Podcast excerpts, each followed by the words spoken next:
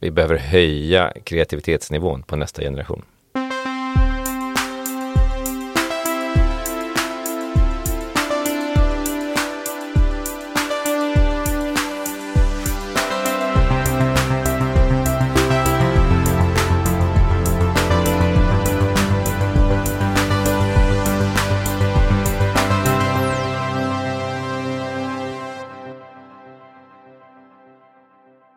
Heja Framtiden heter podden och jag heter Christian von Essen. Jag sitter här i ett litet poddbås. Som en, eh, vad säger man, som ett tågkupé.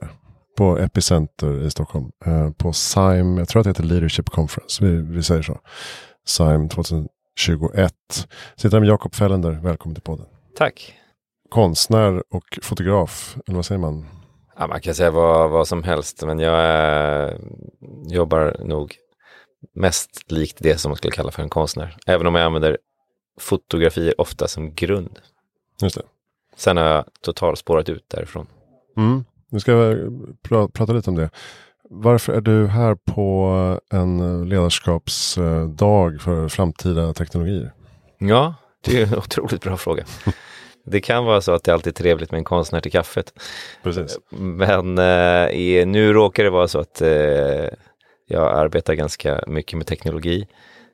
Allt ifrån då kolkriter och oljefärg och gamla analoga kameror. Men även VR och AR och ja, AI också. Och eh, har är väl eh, hållit på ganska länge och utforska hur man kan tänja gränserna och vrida på gränserna och titta på dem från olika håll. Mm. Jag lyssnade på din medverkan i Scandinavian Mind som är eh, magasin och plattform och även podcast. Där du pratar med Konrad Olsson om detta. Eh, din nya, vad säger man utställning fortfarande? Det är som heter The Great Escape som är mm. en slags plattform nästan för mm. olika typer av uh, olika ben. Mm. Ja, vi kanske ska börja där och berätta lite vad The Great Escape går ut på och vilka ben som du har liksom hittat fram till här. Mm. Egentligen började det då i eh, en fråga, så här, vad är ett fotografi? Om man tänker sig att en vanlig definition av ett eh, fotografi är att det är ett fryst ögonblick. Kanske någonting som eh, är tvådimensionellt och sitter i en ram på väggen eller på en skärm i en telefon eller en dator. Men, men om man skulle utmana det eh, så kan man ju se ja, kan, det, kan en bild vara flera ögonblick samtidigt? Kan det vara från flera håll samtidigt, olika perspektiv i samma bild? Eh, kan man till exempel ha flera platser i samma bild? Eh, måste det vara tvådimensionellt eller kan man åka in i det och vad händer om man åker in i det och utforskar bilden inifrån och kanske tar med sig saker ut därifrån eh, som skulpturer eller kanske tar med sig hela bilden ut i rummet. Och vad händer om en bild eh, landar på en person i form av ett klädesplagg eller hur låter en bild och eh, hur doftar en bild. Det är, alla de här eh, sakerna är, är, utforskar jag i The Great Escape.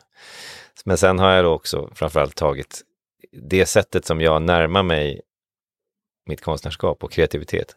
Det är en metod som, är, ja, men som jag har använt egentligen genom hela min karriär och som jag nu vill eh, dela med mig av, eh, lära ut. Då. Och då har jag haft eh, förmånen att jobba med flera bra aktörer, bland annat Warpin Media som gör AR och VR och appar och så och sen så även FN för att sprida det här, se vad, vad kommer nästa generation behöva? Ja men AI kommer ta över flera jobb, de, nästa generation kommer behöva hitta nya lösningar på flera gamla problem som, ja, som vi har, som ja, konflikter, pandemier och miljö framförallt och så. För att göra det så är, är vi flera aktörer som är övertygade om att vi behöver höja kreativitetsnivån på nästa generation. Så man kan säga att eh, Great Escape är ett projekt som dels utforskar gränserna för vad, vad ett, ett konstverk kan vara, men sen också siktar på att dela med sig av den metoden som jag använder för att höja kreativitetsnivån på nästa generation. Ja, just det. För jag förstod det som att du drabbades av någon slags insikt att här har jag hållit på och grottat i mitt eget, min egen konst hela tiden och vad ger jag tillbaks till samhället? Och att det finns en altruistisk koppling och eh, viljan att demokratisera konst som ju till stor del har blivit ganska elitistiskt. Ja men precis, konstvärlden har ju målat in sig i ett hörn eh, på, på snobbiga gallerier och irrelevanta museer.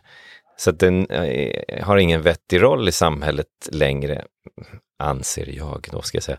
Och det är synd för att konst är ett fantastiskt verktyg för, för kreativitet och för utforskning av både världen och sig själv. Men då får man väl använda lite trojanska hästar för att få hjälpa framförallt nästa generation in i konsten. Därför så kan man använda musik, man kan använda mode och man kan använda appar och eh, gamif gamifiering för att leda, leda nästa generation in till att upptäcka konst och att de också kan faktiskt eh, leva med konst så som, ja, så som mänskligheten har gjort tidigare. Mm. Och medskapa och remixa mm. och Exakt. bidra. Liksom. Och, och, det som eh, man kan säga kring det är väl att eh, ja, att vara konstnär eh, är, det finns ju ett visst mått av narcissism i det. Eh, att jag ska göra någonting och sen ska jag säga till hela världen, det här är så märkvärdigt så nu ska alla komma och titta på det.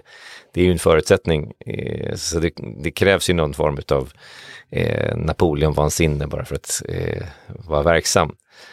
Men samtidigt då om man tittar på vad behöver nästa generation? Om, behöver vi mera konstverk? Är det det som är en, en, en, en trebarnsmor på ett flyktingläger i Syrien? Behöver hon mer suddig fotokonst eller en isbjörn på ett smältande isflak?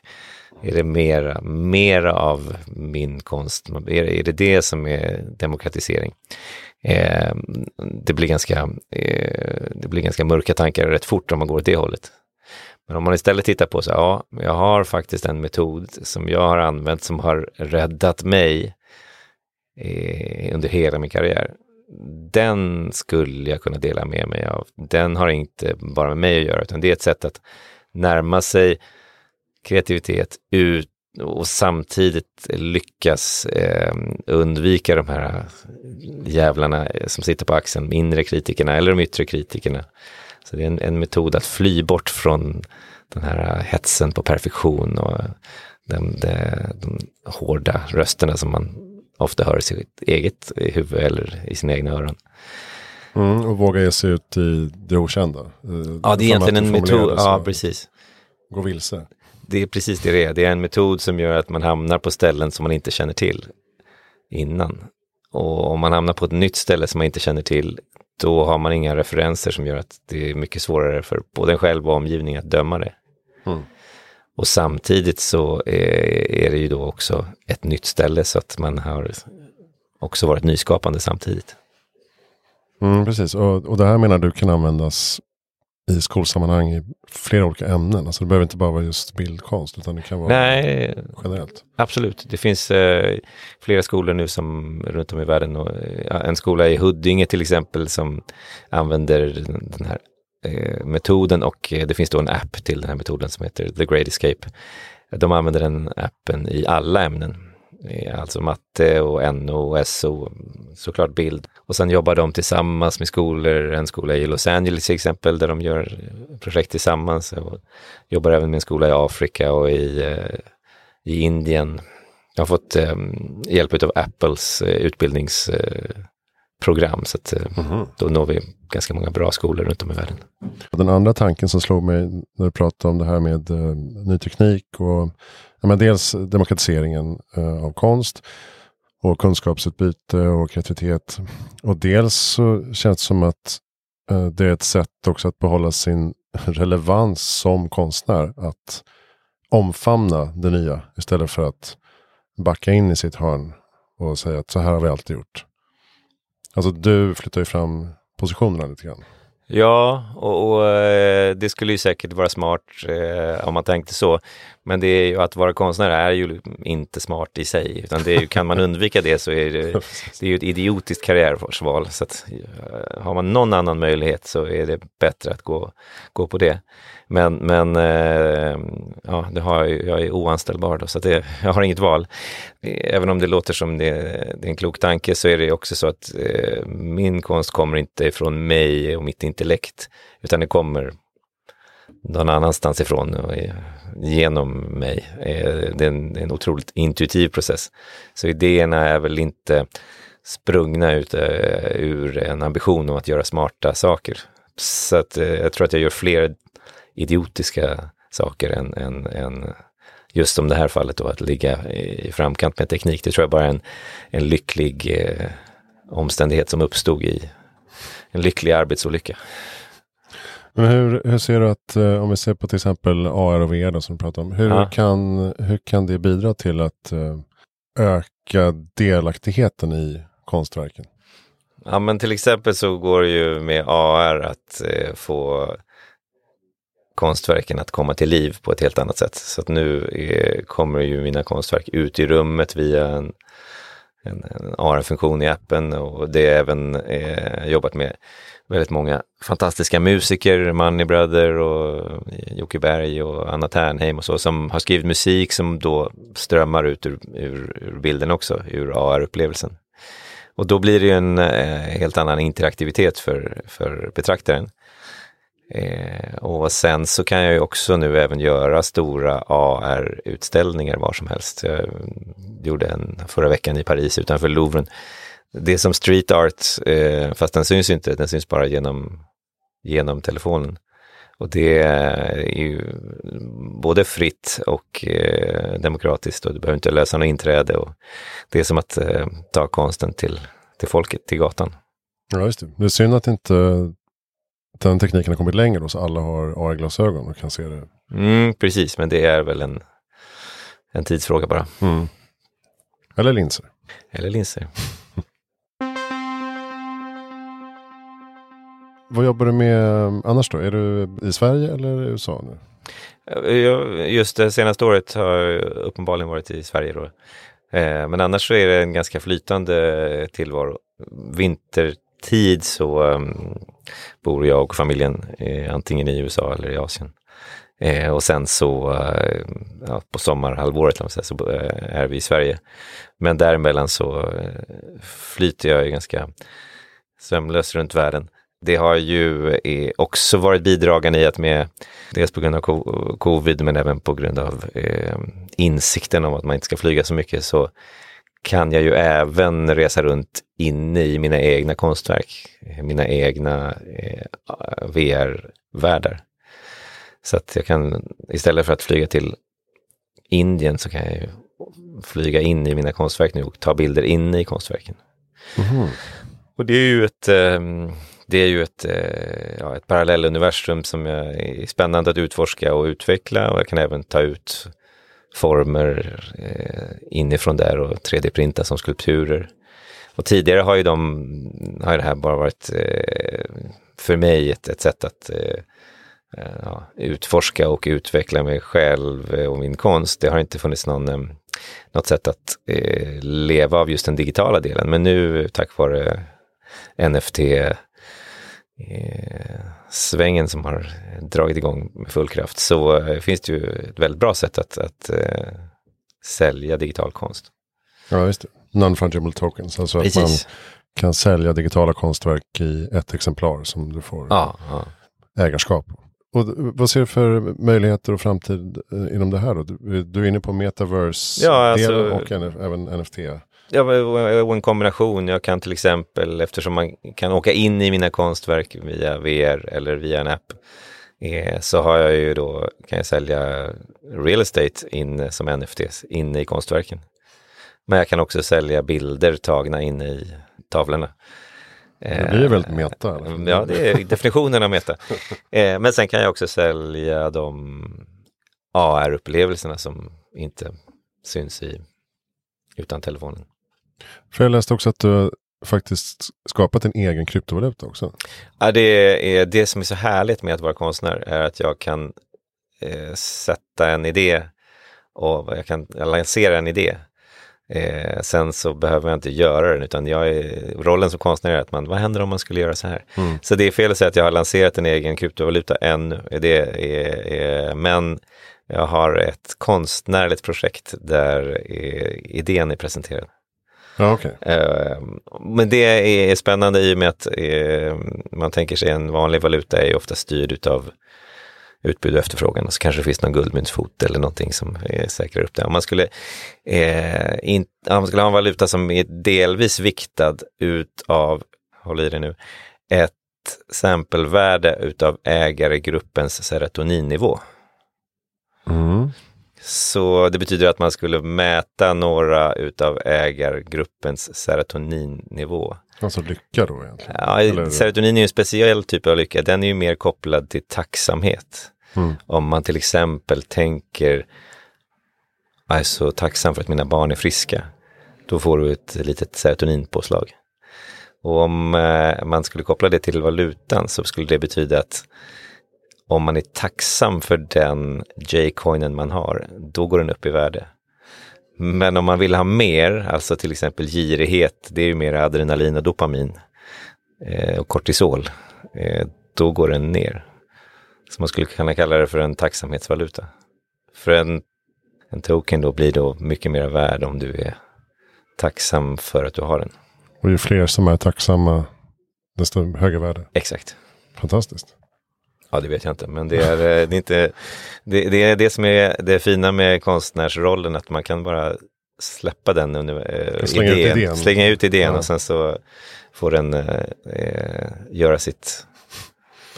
Ja, men eh, med tanke på de människorna som är här idag i alla fall så är det inte helt omöjligt. Alltså man tänker biohacking. Mm. Eh, ja, ja, det är, ingenting är definitivt. Det är mäta inte. biodata och så Exakt. vidare. Skulle kunna gå. Eh, jag brukar fråga, vad är ditt bästa tips för att göra världen bättre i framtiden? Ja, och det är ju då väldigt kopplat till det vi just pratade om. I min värld så är det tacksamhet som är det. Om det finns någon lifehack så är det tacksamhet eh, för mig. Att, att, att stanna upp, eh, om det så är dagligen eller en gång i timmen eller konstant och eh, inse vilket otroligt eh, liv vi har här och har vi inte det så finns det fortfarande saker man kan leta efter. Eh, så att jag skulle hävda att, att, att, kan vi bygga in tacksamhet i, i all den här fantastiska framfarten som vi gör nu i världen så, så har vi allt att vinna. Mm, det kanske också ger uh, lite andningspaus, alltså att, uh, reflektion. Ja, verkligen, verkligen. Framsteg och reflektion är ju uh, väldigt effektiva när de går hand i hand. Mm. Bra. Um, har ni bra lästips eller poddtips? Ja, men vi kan ju ta den då på samma tema. Eh, Man's Search for Meaning av Viktor Frankl. Mm, det är väl liksom grundtacksamhetsboken av, av alla. Just det. Även i koncentrationsläget så finner han någon smula att hålla fast vid. Ja, han finner en smula att hålla fast vid och sen så grundar han väl egentligen en terapimetod för, eh, som var väldigt effektiv på, på självmordsbenägna patienter. Där om någon kommer till honom som psykolog och säger jag vill ta livet av mig, då säger han ja varför gör du inte det då? och då börjar hjärnan genast räkna upp, nej men jag gör inte det för att jag har ju barnbarnen. Mm. Jaha, men, men det är väl inte så mycket, har, är det det enda, har du inget mer själv? Jo, jo, jag har ju också min hund och min dotter och sen så börjar man bygga därifrån. Just det. Eh, och det kommer precis ifrån att han var i koncentrationsläger och insåg att om jag överlever den här upplevelsen här så kanske jag är den enda med en psykologutbildning som kommer att kunna berätta om hur det var och även ha en, en, en psykologs perspektiv på det. Mm. Ja, den är fin. Man's search for meaning. Vem tycker att jag ska intervjua? Jag tror att det skulle vara intressant för dig att prata med någon som är djupt rotad i kreativitet men inte teknologi. Eh, det är lättare att prata med mig eftersom jag jobbar så mycket med både gammal men även modern teknologi och med framtiden. Men om du skulle prata med till exempel en musiker som heter Christian Kjellvander. Mm. Han är djupt rotad i den eh, både från Portland i USA men även den skånska myllan och det finns extremt, eh, ett, ett, extremt analogt men otroligt kreativt eh, uttryck i det han gör. Eh, det är inte så mycket framtid som, som, eh, som nutid Eh, det skulle vara intressant att se med någon person som är så grundad också i nuet och se hur ni skulle, vad ni skulle få ha för dialog. Mm. Han spelade väl i bandet Loose Goats på 90-talet. Precis, och sen exakt. så startade han sin solokarriär som Christian Kjellvander. Med någon slags americana, uh, alt country uh, ton. Ja. egentligen. Och nu har han tagit det i flera steg vidare så att eh, de senaste skivorna är extremt framåtlutade på ett eh, grundat sätt. Mm, vad spännande. Jag har faktiskt inte hört på ett par år. Så att, här kan jag rekommendera. ska vi kolla in. Man pratar ju ofta om så här, ja, men med automatisering och eh, artificiell intelligens så kommer vi människor blir tvungna att eh, bli mer mänskliga. Alltså bättre på vad människor. Eh, vi behöver, som du säger, öka vår kreativa förmåga, eh, empatiska förmåga och så vidare. Och sen brukar jag ställa följdfrågan, hur? Alltså fin, finns det någon, nu har ju du uppenbarligen en metodik för detta. Men finns det något kort svar på hur man främjar kreativitet? Ja, eh, det gör det ju. Det finns ju en, en eh, har man en medvetenhet om att eh, det är det man vill göra så, så kan det ju ske. Det, det är oftast inom kreativa eh, yrken så, så är det livet som kommer i vägen. Eh, Mm. Det är så otroligt eh, mycket lättare att gå på ett möte eller skicka ett mejl eller se på Netflix än att faktiskt skriva färdigt den där versen. Så att, eh, att, att lägga det högst upp på agendan är, är eh, nummer ett. Då. Nummer två är ju att hitta någon partner som kan hjälpa en att förverkliga vissa visioner. Som jag har haft turen att jobba med Warpin Media till exempel som kan eh, översätta det flummiga som jag kommer med till faktiskt riktig teknologi som fungerar. Mm. Och det har ju det är som en superpower eh, att få jobba med dem. Mm. Så att eh, det, har man de, de två sakerna så, så eh, då kan man eh, ta längre steg framåt. Mm. Också då som folk brukar poängtera att eh, det är just det här arbetet och prioriteringen. Tiden också. Alltså det är inte bara en gudomlig inspiration som träffar en som en blixt. Utan man måste sitta och jobba också. Ja, och det finns ju väldigt många intressanta exempel på det. eh, Nick Cave till exempel som sitter eh, åtta till fem varje dag framför pianot och väntar på att det ska komma någonting. Eh, och gör det det så är det, är det fantastiskt. Gör det inte det så är han i alla fall där. Mm. Det finns någon historia om Tom Waits, eh, musikern också, som hela, tyckte att hela tiden när han var ute och körde bil så fick han massa fantastiska idéer. Och vid något tillfälle så sprang han in till en telefonkiosk och ringde sin egen telefonsvarare för att han skulle komma ihåg någon melodislinga. Men sen så vid andra tillfällen så hände det också ofta när han satt i bilkö i Los Angeles. Och då eh, fick han eh, till slut eh, nog och gick ur bilen och skrek upp till herren där uppe ovanför och sa så här, jag lovar att jag ska sitta framför pianot åtta till fem varje dag. Och jag, och jag lovar att jag ska ta emot allting eh, som du ger mig. Men skicka inte dina idéer till mig varje gång jag sitter i bilkö för här kan jag inte göra någonting. Precis. Olidlig arbetsplats. Ja, ja. Bra, då ska vi avrunda. Eh, och Warpin Media med Emma Ridderstad. Ja. Eh, hon av Robson och eh, vi har ett avsnitt med henne redan från 2018 tror jag. Eh, om AR och VR. Och eh, hon är även med i boken som jag skrev nu som kom ut, för en, eh, eller kom ut i oktober 2021 som heter Nu fattar jag. Mm. eh, tillsammans med Henrik Smolak. Um, så att kolla in den boken, nufattiga.se kan man köpa till företaget. Hejaframtiden.se, där hittar alla tidigare intervjupersoner och eh, mina projekt med föreläsningar, böcker, magasin. Jag heter Christian von Essen och eh, vi sänder alltså från Sime på Epicenter i Stockholm. Kolla in sime.nu. Tack Jakob Fellander för att du kom till podden. Tack. Tack för att du lyssnade.